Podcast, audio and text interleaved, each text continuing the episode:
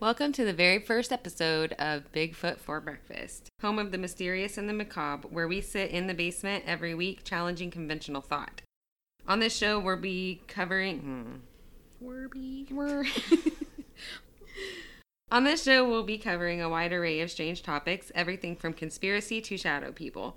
We are your hosts, Samantha Carter. and Sarah Jones. Today's topic is one that I've long been interested in, so we thought it fitting to cover it first and foremost. Just get it out of the way. I want to specify that she's the one that's been interested, not us, just her. I did say I. I know. That's what I'm I'm offended. Oh, you also are interested. Let's not draw attention to that fact. Anyway, I understand. it's just you. Only just you.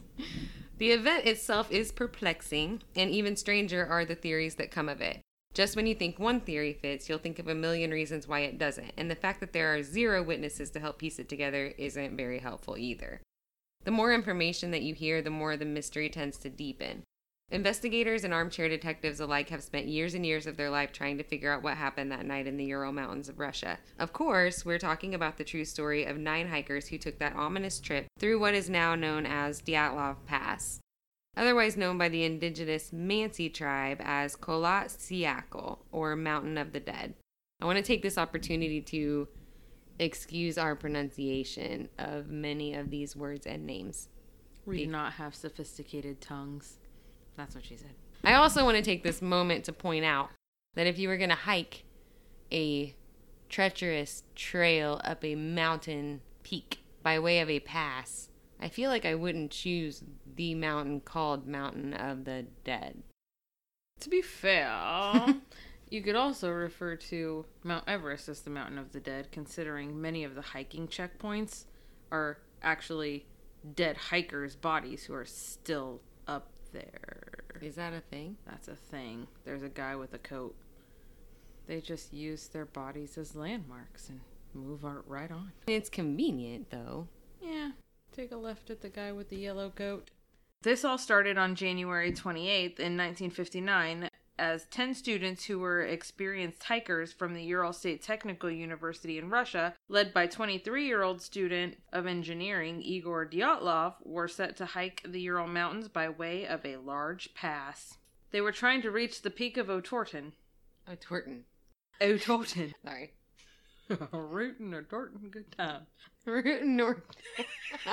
Dyatlov was an elite skier and hiker, and also the person who assembled the group of his friends from college, all of whom were also very familiar with hiking harsh terrains. The trek was planned to take 16 days, and they would cover 190 miles of snow covered mountain incline. And from what I gather, this is a Category 3 journey, which is the highest difficulty within this mountain range. As the group began to hike toward the mountain itself, not even getting to the backcountry yet, one of the hikers got sick and had to turn around and go back home. Subsequently, he was left behind, thus leaving nine people in the group to hike on without him. This man's name was Yuri Yudin, and he may arguably be one of the luckiest men on earth, because those who were there to send off these young people on their journey would be the very last people to see them alive. The nine remaining hikers were to hike the peak of the mountain and reach their destination by February 12th. At this point, they should have reached a village here, and they were to send a telegram back to confirm that they had made it and that everything was okay. This had been prearranged by Dyatlov with his sports team back at the college and with Yuri Yudin, the guy who had to go back home after he got sick. So they were fully expecting to receive word of a successful hike. But this time period came and went, and a postcard was never received. They waited just a bit longer, thinking that he may have reached his destination more slowly than anticipated, but another week passed with no word from Dyatlov. So on February 20th, an assembled search and rescue team made up of teachers and fellow students was dispatched to try to find the hikers and assist them to safety if possible. The search team knew that a snowstorm had gone through this area of the mountain, so they somewhat expected that the hikers were off course, and in fact, the site was found off to the west of their course on the slope of a mountain that the indigenous Mansi tribe called Death Mountain. It appeared to the searchers that the hikers were hit directly by the storm.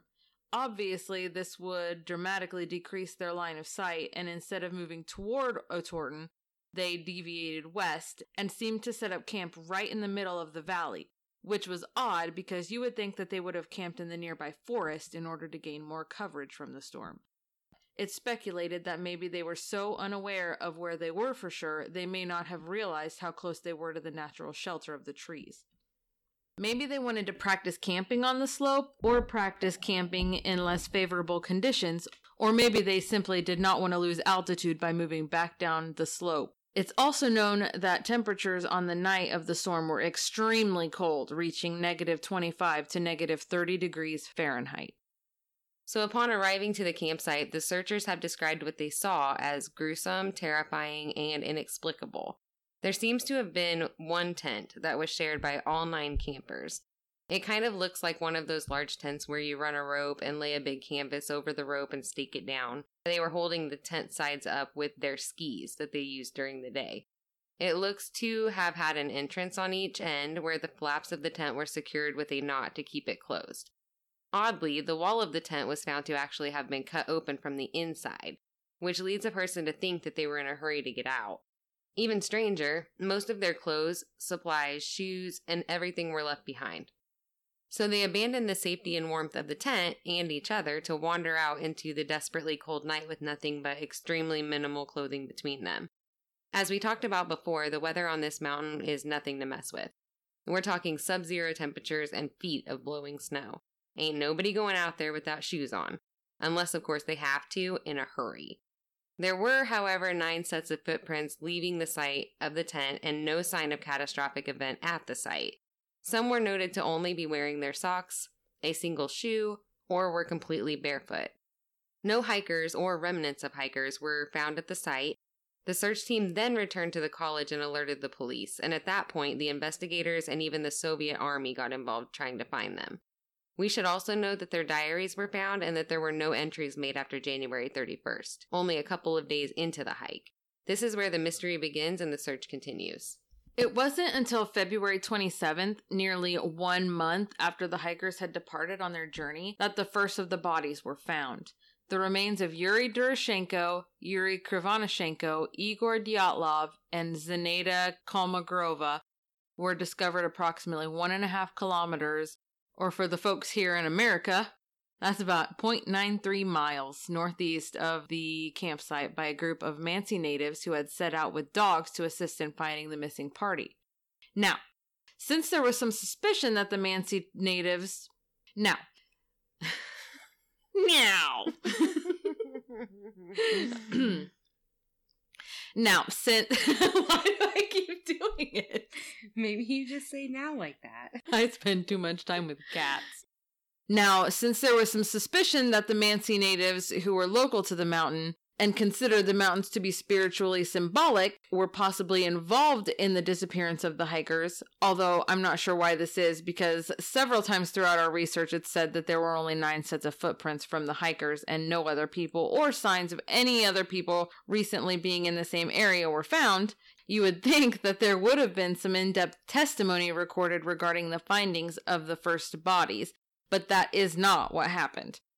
For some odd reason, only two of the Mansi searchers who found the bodies had testified to what they found. In the criminal files for the case, this is what was reported by the searcher. While looking carefully around the area, Mikhail noticed something dark close to a cedar tree. There was a flat area next to the cedar, and on this were remains of a fire. About two or three meters from the fire, they found Yuri Doroshenko, frozen without his clothes and with his hand burned. And a little to the side, they found Yuri Krivonishenko in the same state. Under Doroshenko's body were three or four cedar branches, all of about the same thickness. A student from the same search party also stated Next to the bodies was a fire. Nearby were more than ten small fir tree branches cut with a Finnish knife, the lower dry branches, of about five centimeters in diameter, had been cut from the cedar. Some of these were lying next to the fire, and the snow around was trampled. So, the bodies were found next to a large cedar tree, off of which many of the lower branches had been cut with a knife for a small makeshift fire. Most of the snow in the area was trampled, so it seems like they had done a lot of running around to get things done to start this fire, which would be crucial for their survival in the weather that they were experiencing. As far as the official records of the condition of these two bodies, it was stated that Krivonishenko's right leg has no footwear. On his left foot, there's a brown sock and it's torn. Another sock like this was discovered half burnt next to the fire. On the backs of his hands, the skin is torn, and between his fingers, there is blood. The index finger is also torn. The skin of his left shin is torn and covered in blood. Portions of his skin from his right hand were found in his mouth. He had burns on his left leg and on his left foot. There are no more visible injuries on his body. He was found lying on his back, facing upward and slightly to his left. Doroshenko is wearing woolen socks on his feet, and over these socks, he's wearing another pair of lighter socks. His ear, lips, and nose are covered in blood, and on his left hand, his middle finger is also covered in blood. He had burns on his foot and on his right temple. He was found facing downwards into the snow. Foamy gray fluid was found in his mouth and on his right cheek, indicating an inner chest trauma from a fall or something crushing his chest, but there were no outward signs of trauma noted. Also, despite this, and the fact that there was significantly less urine found in the body than the vast majority of hypothermia cases, the death was ruled hypothermia. It's also said that the position of the bodies in which they are found wasn't the same as when they were killed. The areas of rigor on the bodies do not match their positions, indicating that they were laid down next to each other post mortem. It's speculated that a killer did this, but I wonder if their friends were present with them at the campsite and placed them this way before they left the site out of respect for their fellow hikers. We know that there was likely more than just these two people at the second makeshift campsite because, as the police captain stated in his report, we found various garments next to the fire rather than on the bodies, but we didn't find any other bodies, and the trees near the fire had been cut with knives, but we found no knives with the bodies. And from the statements of others, we got this information. Maybe with the help of others, they had made a pretty good fire with the branches of fir trees, but that fire had been alight for maybe an hour and a half. For about 20 meters around the cedar, there was evidence of young fir trees being cut with a knife. We saw around 20 cut branch stumps, but we didn't see any of the cut branches left, except for one. It isn't possible to imagine that they were used to maintain the fire, because first of all, they are not good firewood. And second, around them were quite a lot of dry twigs and materials, so it's speculated that they would obviously have used the dry material first before trying to burn wet green wood in a fire. The volume of work done here in making this number of cuts suggests that there were far more people here than only these two.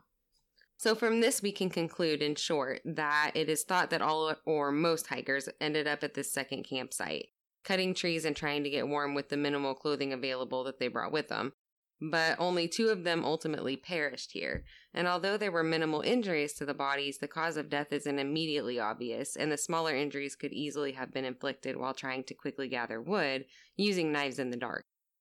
It's safe to assume that the others left the site after the deaths of these two men, and very well may have respectfully laid them together and taken some of their clothes to divide among them for survival. But where were the others? And why did they choose to leave this area? If they didn't die before the others left, why did these two decide to stay? Beyond this, the cedar tree that was the closest to the fire had even more branches broken. All of the lower branches were completely broken off, and these were very thick. It was said that these would have been extremely difficult to break, even if you hang on them with the entire weight of your body, and some of them were actually four to five meters high off the ground. The side of the tree facing the slope and the tent was completely cleared. The branches were not used on the fire as they would have been very wet and young. Some of them were lying on the ground, and others were hanging on lower branches as if someone had created a viewing hide facing the side of the tent from where they came. So, what were they watching for that they needed to hide from? It was said in another article that some of the branches of this particular tree were partly broken, up near the top, indicating that someone may have climbed in order to look back at the camp.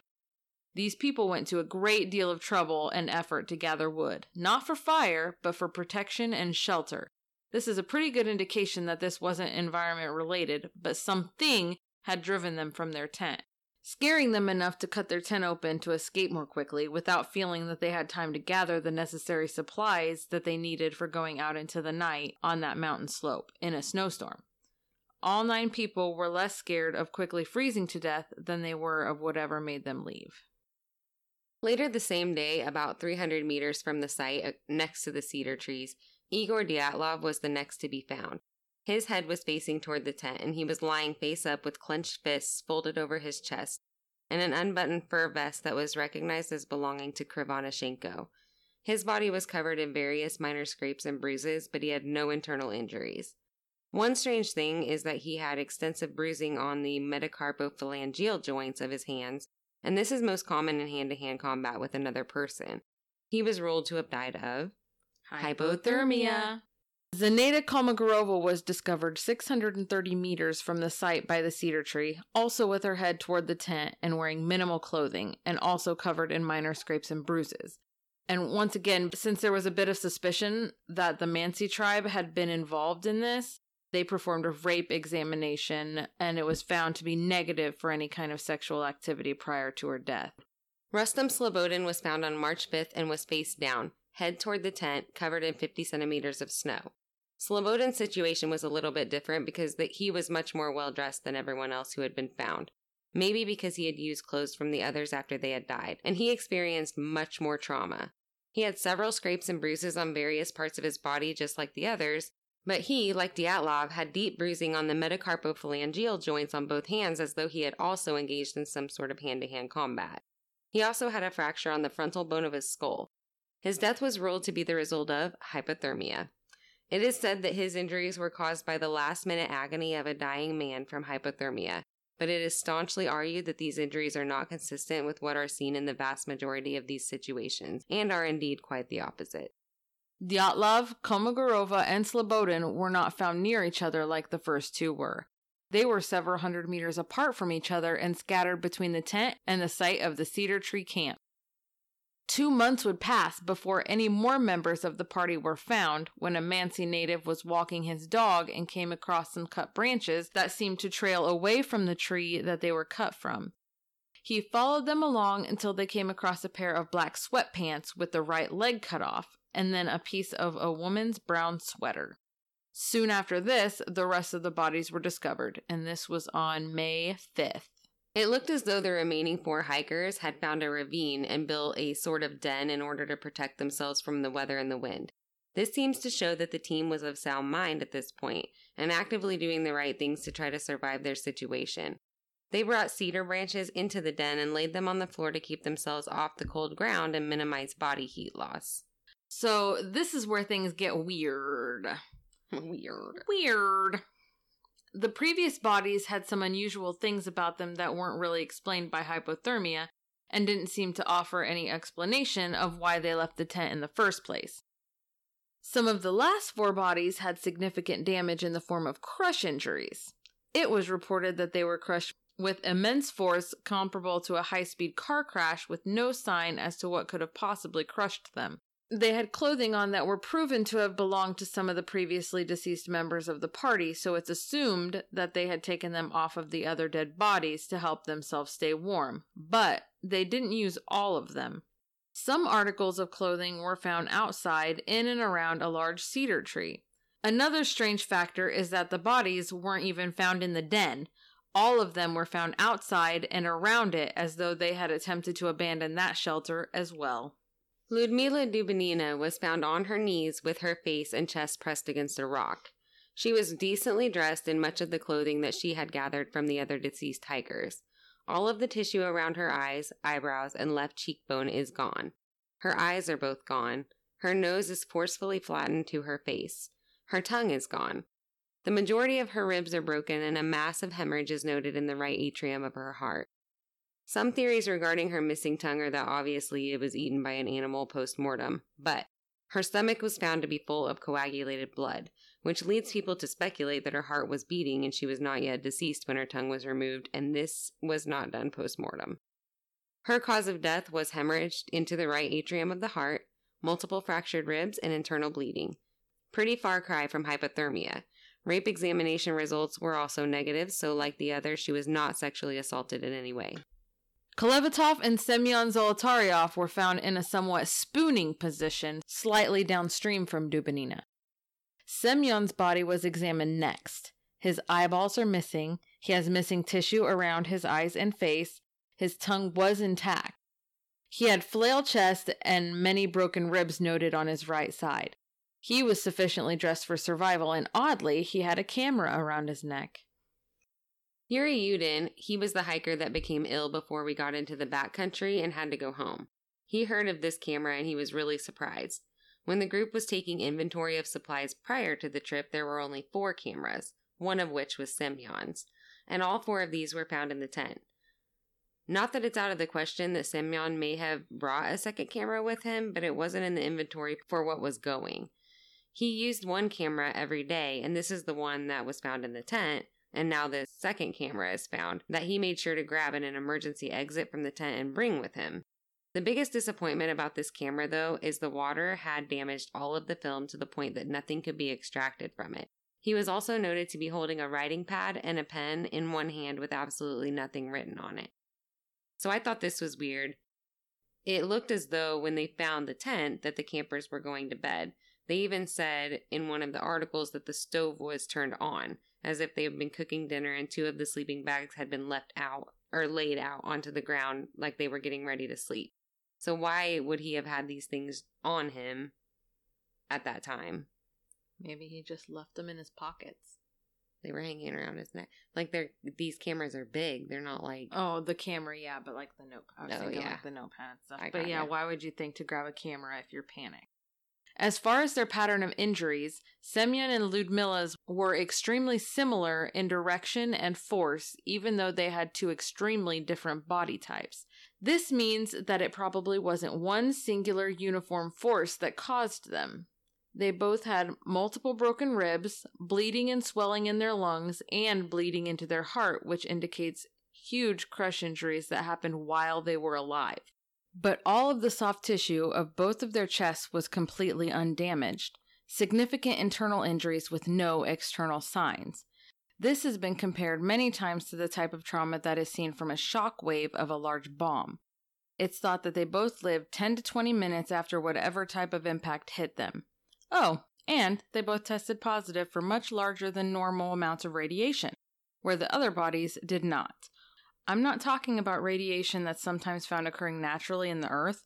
I'm talking extremely high levels, even after the bodies had been lying in a cold water stream for a couple of months. Personally, I feel that this could be done by nothing other than a shockwave of some sort. What do you think? I mean, both the injuries, the large force, the crushing injuries with no external signs, and the presence of radiation kind of. The presence of radiation really kind of ties it up in a neat little bow because really, what else could cause it? Mm-hmm. I feel like there's no other way to go. So Alexander Kolevatov was also fairly well dressed. The waistband of his sweater and the lower parts of his pants tested radioactive. Large parts of the skull bone is exposed and the nose is flat against his face. He has an open wound behind his ear, neck deformities, and it's speculated that his injuries may have been caused by a fight. And some of the bigger conspiracy theorists state that this is a common type of killing taught and caused by people involved in the special forces broken neck and blow behind the ear. and the broken nose. Yeah. The upward thrust with the palm. You watch too much Con Air. Lastly, the body of Nicolay Thibault Brignol was slightly further downstream from them, well dressed, and was the only one wearing shoes. It's thought that when the group cut themselves out of the first tent, maybe Nikolai was already outside of the tent, and this is why he appears much more prepared and intentionally well dressed than the others. He was wearing two watches on his left arm when he was found. He had multiple skull fractures, and this is the extent of his injuries, other than some minor bruising. He was lying on a rock when he was found, and in the autopsy, they excluded that an accidental fall onto the rock could have caused the injuries that he sustained. The extent of his head injury was compared to an automobile impact at high speed. There was no outward damage to the soft tissue of his head, despite the extent of the fracture he sustained to his skull. So, As far as internet research is concerned, these are the facts as we know them. The mystery of this incident has never been solved, but as you can guess, there's plenty, and I mean plenty, of theory and speculation. My, favorite, is aliens. So there's another theory. This is just one that I found searching the web. But there's another theory of a missile. Um, it was about a 30 mile wide crater noted on satellite images. A guy found it and put it up on the internet. It's located about three kilometers from the actual site of their tent. So he described that upon closer examination, it looked as though it had kind of turned the rock to red type glass. And so this in- indicated that there was a high heat impact. So he concluded that this would cause obviously a very bright light and a shock wave to go down through the pass. So imagine being in the snow in an open pass in a tent and there's a bright light and a large shock wave that just suddenly hits your tent. He said that this would be very disorienting and extremely scary. So this would cause them obviously to run from the tent. So maybe that is why the military didn't want to admit it later. Aliens. I'm not saying it's aliens, but it's aliens. But it's aliens. One of the first things to be questioned was the radiation on the clothing from some of the hikers. Why would some of these people be exposed to high levels of radiation dust in the middle of nowhere in the Ural Mountains? There was an interview conducted with one of the lead investigators on the scene of Dyatlov Pass, and he's now 94 years old during the interview, but he also seems to still vividly remember all of the details. In this interview, they discussed that there was said to be a nuclear test field in another republic, but that a moratorium was called in 1958 between the USSR, the USA, and Great Britain in which nuclear testing wouldn't happen during this year and in the next few. So it's speculated that the USSR decided to secretly violate the moratorium, surprise, surprise, and go on testing their nuclear weapons in the isolation of the Ural Mountains, where there's no inhabited areas close by. This seems to be neither confirmed nor denied by nuclear specialists within the Russian government. It's possible that they were testing different kinds of weapons. It's really not out of reach. So there actually was rumors that there was a test field in the Ural Mountains. They didn't really say where, but they're thinking that this may have something to do with the disappearance as well. That maybe they were testing nuclear weapons out there, and this caused the chaos that ensued. And it's also possible that the USSR collaborated with aliens to test new weaponry in the field of psychic warfare. I mean, we will get into the the the reptilians. Yes. Good God. Jeez, not Louise. come up with it. So we'll also get. I didn't know what you were trying to get at. Yes. So we'll obviously get into more of the reptilian agenda and their involvement in various governments. Again, That was on purpose. later on in a different episode when we feel more comfortable exploring that with you. In this same interview, the former investigator is asked why repeated examinations of the scenes weren't carried out after the snow had melted, as this would seem to be common sense to later search for any further clues as to what had happened there that may have been covered up by the snow. He was also asked why there were no radiation tests conducted at the site to try to determine why some of the deceased had tested positive. To this, he answered that he and his fellow investigators had planned to visit the site one more time with soldiers accompanying them after the snow had melted away, and even included it in their investigation work plan. But. And then. Nothing came of it due to not having the proper permits to be on the mountain. When they pushed this, they were told to turn the case over to the deputy federal prosecutor for investigations and write their closing statement. Close it up. We tried to argue that we can't close it yet. There are nine dead bodies that have to be answered for. You can't handle the truth. They were told to close it nonetheless.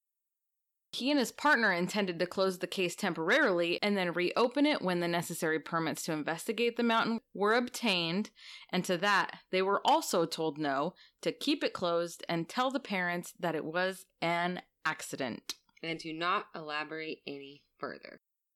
The investigator indicated then that he understood that there was something strange about the case and felt that it had been intentionally taken from them without them wanting to close it.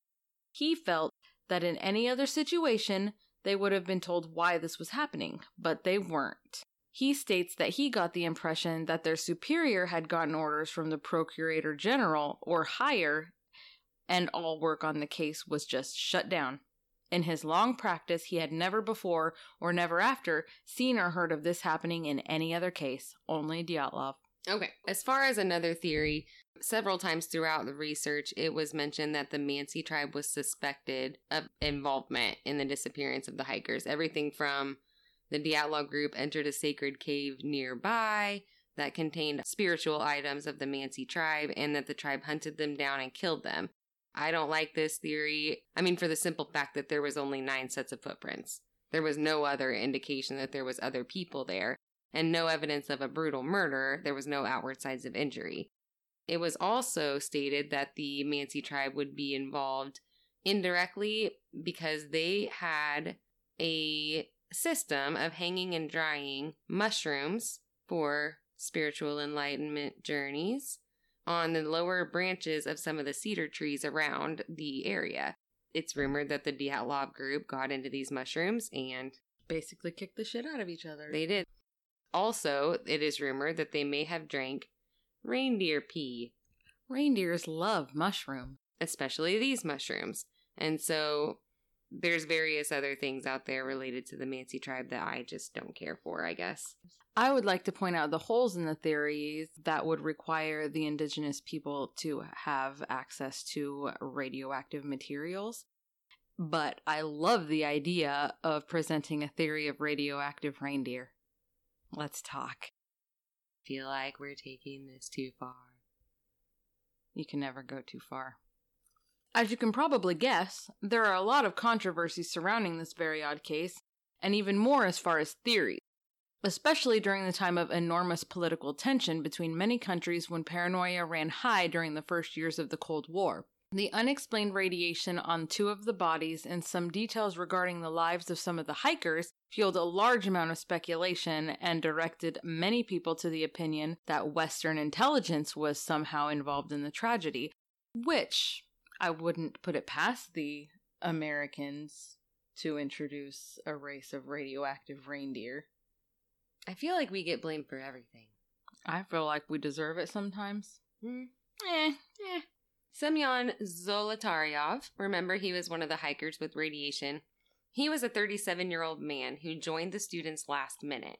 It was found that he was a veteran who fought for the NKVD, which was basically a Russian secret police force, and he had years of combat experience here. And apparently, he wasn't really well known by the others. He was, like I said, a last minute person to join, and Dyatlov was reluctant to let him come just for the simple fact that they didn't know him. Kolevatov had worked as a lab assistant in a top secret atomic scientific facility in Moscow. The facility had no name and was known only as P.O. Box number 3394. Krivonishenko worked for a nuclear facility in Russia known as Mayak, where a major nuclear disaster occurred that was close in severity to Chernobyl. which kind of legitimizes the theory of radioactive reindeer. I'm just going to keep pushing it. It's I happening. I need you to explain the legitimate angle. Disaster, radioactive leakage, reindeer eat radioactive mushrooms, campers eat radioactive reindeer pee. Boom. Why was it on their clothes? Because they were high and decided to bathe in it. No. I think that's fair.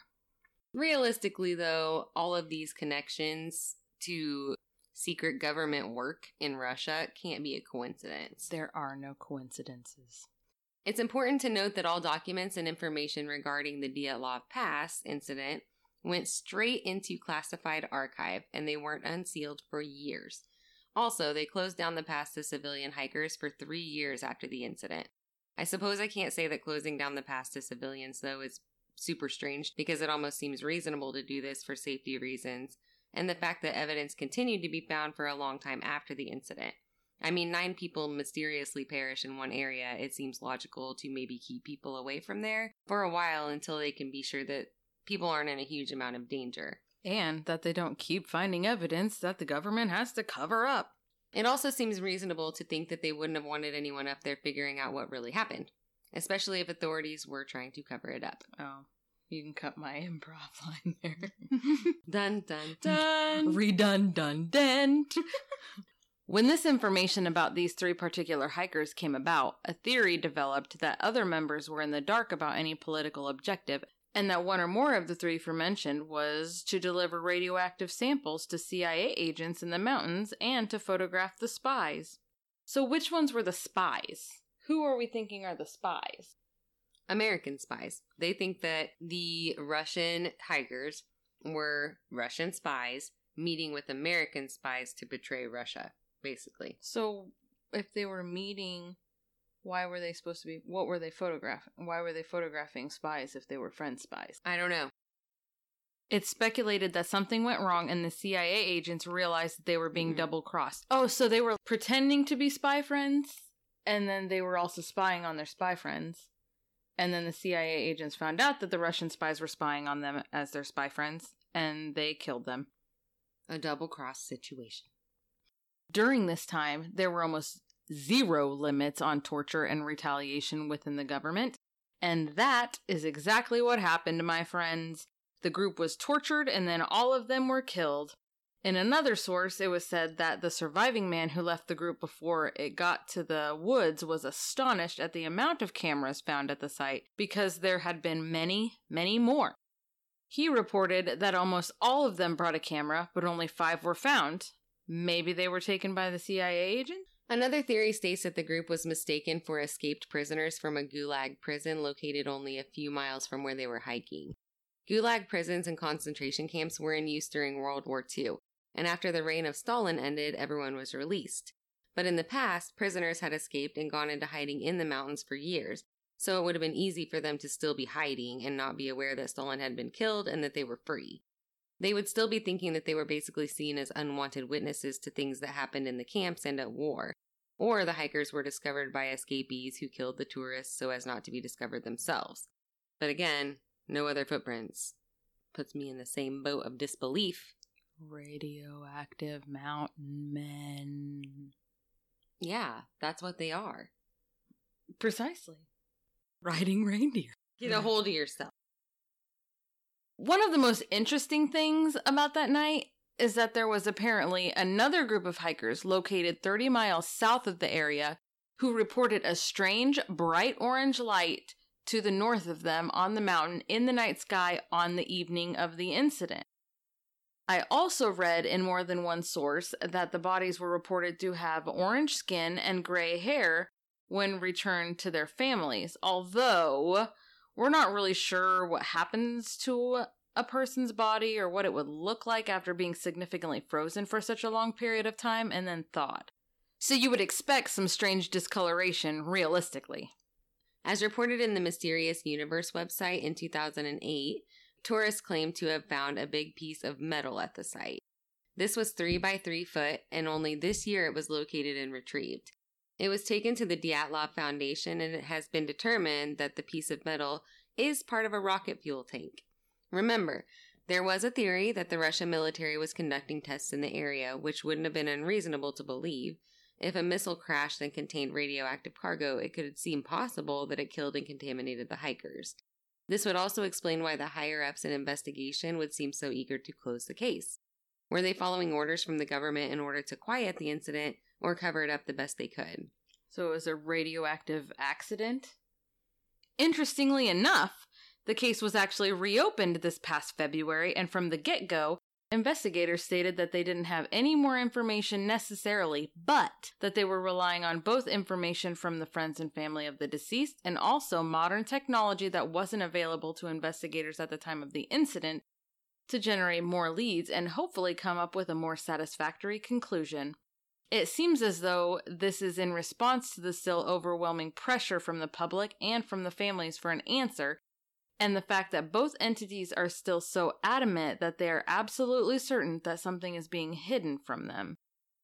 To me, though, it seems like investigators are going into this with a totally closed off mindset. They still maintain that nothing was hidden and that they are 100% certain that they will conclude the deaths to still be connected with a natural phenomena. In March, a range of experts and rescue workers flew into the site and conducted nine different examinations as well as a forensic probe in order to fill in some of the blanks. Now, I want to throw in also that there are a hundred articles about the reopening of this case that are dated in February, but I could not find any articles where a conclusion was met. Actually, 100. Close. It may be inflated. But either the investigation is still open and they're still kind of checking things out, or they just kind of didn't finish it up. Cover up. I also wanted to throw out there that another man had a theory about something called Kármán Vortex Street, which is a wind phenomenon that would have produced loud, horrifying noises. And it seems like the way he describes it, it's straight line winds that hit the pass. And the way this pass was shaped, it would have been uniquely situated to maybe create a perfect storm. So as the straight line winds hit the walls, they create a series of small tornadoes, which cause a really, really, really high pitched sound.